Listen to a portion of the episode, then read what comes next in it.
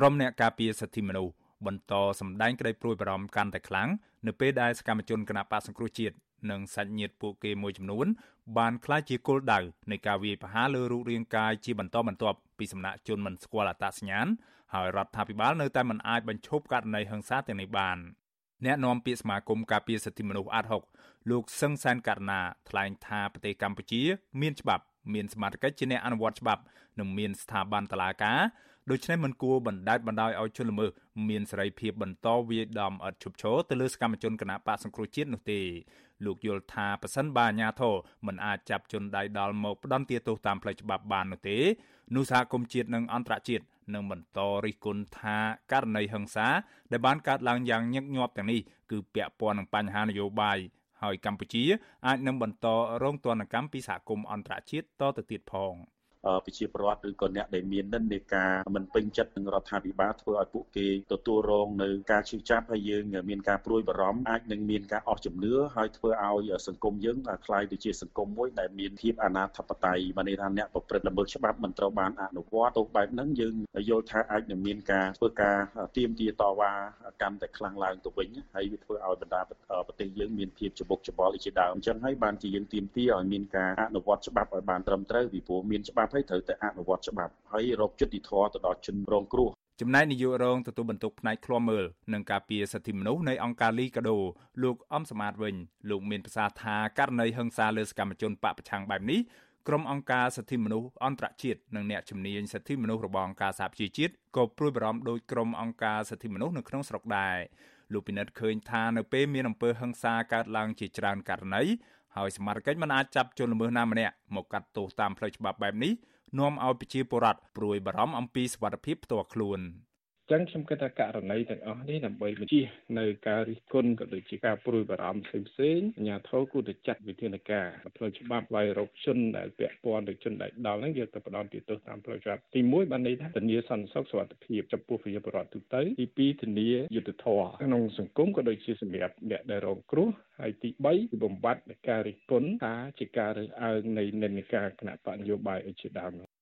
គិតត្រឹមថ្ងៃទី25មករាមានសកម្មជនគណបកសង្គ្រោះជាតិសញ្ញិរបស់ពួកគេនិងអ្នកតស៊ូមតិជាង30នាក់ហើយបានរាយការណ៍ថាត្រូវជនអនាមិកលួចវាយដំបណ្ដាលឲ្យរងរបួសធ្ងន់ធ្ងរហើយក្នុងចំណោមនោះក៏មានករណីហិង្សាប្រព្រឹត្តដោយអាជ្ញាធរនិងកងសន្តិសុខក្រុងភ្នំពេញដែរជនរងគ្រោះមួយចំនួនត្រូវបានជន់ល្មើសបន្តតាមលួចវាយប្រហារពីក្រោយខ្នងវាយផ្ទួនផ្ទួនដោយប្រើឧបករណ៍រឹងដូចជាដុំថ្មនិងដំបងដែក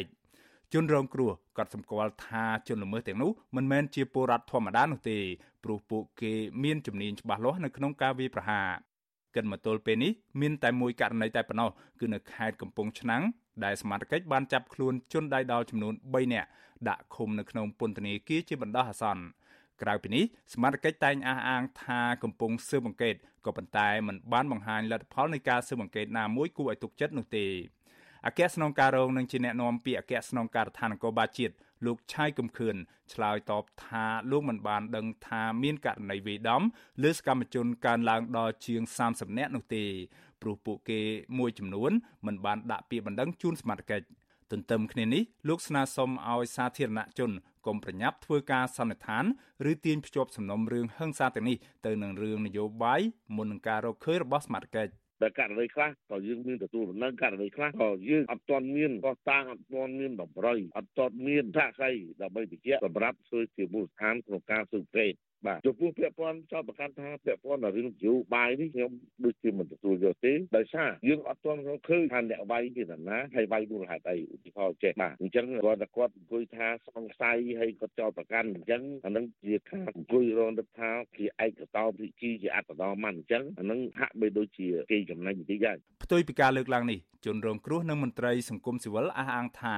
មូលហេតុដែលជនរងគ្រោះខ្លះមិនដាក់ពាក្យបណ្ដឹងនោះ ព្រោះពួកគាត់បាត់បង់ជំនឿទៅលើសមត្ថកិច្ចដោយសារតែកន្លងមកក៏មានជនរងគ្រោះមួយចំនួនបានដាក់ពាក្យបណ្ដឹងនិងភ័ស្តុតាងជូនសមត្ថកិច្ចដែរក៏ប៉ុន្តែគ្មានចំណាត់ការស៊ើបអង្កេតណាមួយកើតឡើងគួរឲ្យទុកចិត្តបាននោះទេ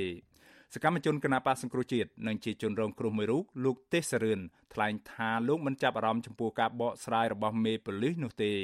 លោកយល់ថាអ្នកប្រើអំពើហិង្សានិងអ្នកបញ្ជាពីក្រោយខ្នងប្រកាសជាដឹងខ្លួនឯងច្បាស់ថាវិធីវាដំនេះមានចេតនាបំបាក់ស្មារតីពួកគាត់កុំឲ្យចូលរួមនៅក្នុងសកម្មភាពនយោបាយក៏ប៉ុន្តែការប្រើវិធីនេះមិនអាចជោគជ័យនោះឡើយ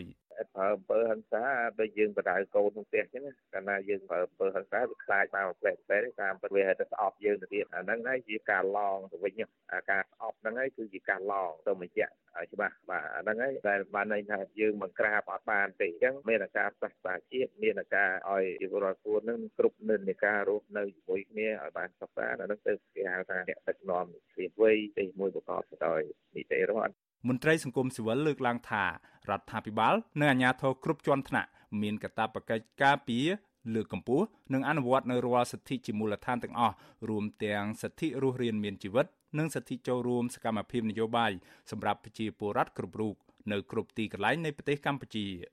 កម្ពុជាជាប់ចំណាត់ថ្នាក់ជាប្រទេសរំលោភច្បាប់ជាងគេបំផុតឈរនៅលេខ127ជាប់បាតតារាងនៅក្នុងពិភពលោកក្នុងចំណោម120ប្រទេសនៅលើពិភពលោកនៅក្នុងសន្ទុះស្ដីពីការគោរពច្បាប់ឆ្នាំ2020របស់អង្គការគម្រោងយុត្តិធម៌ពិភពលោកឬ World Justice Project ខ្ញុំបាទមេរិតអាស៊ីសេរីរាយការណ៍ពីរដ្ឋធានី Washington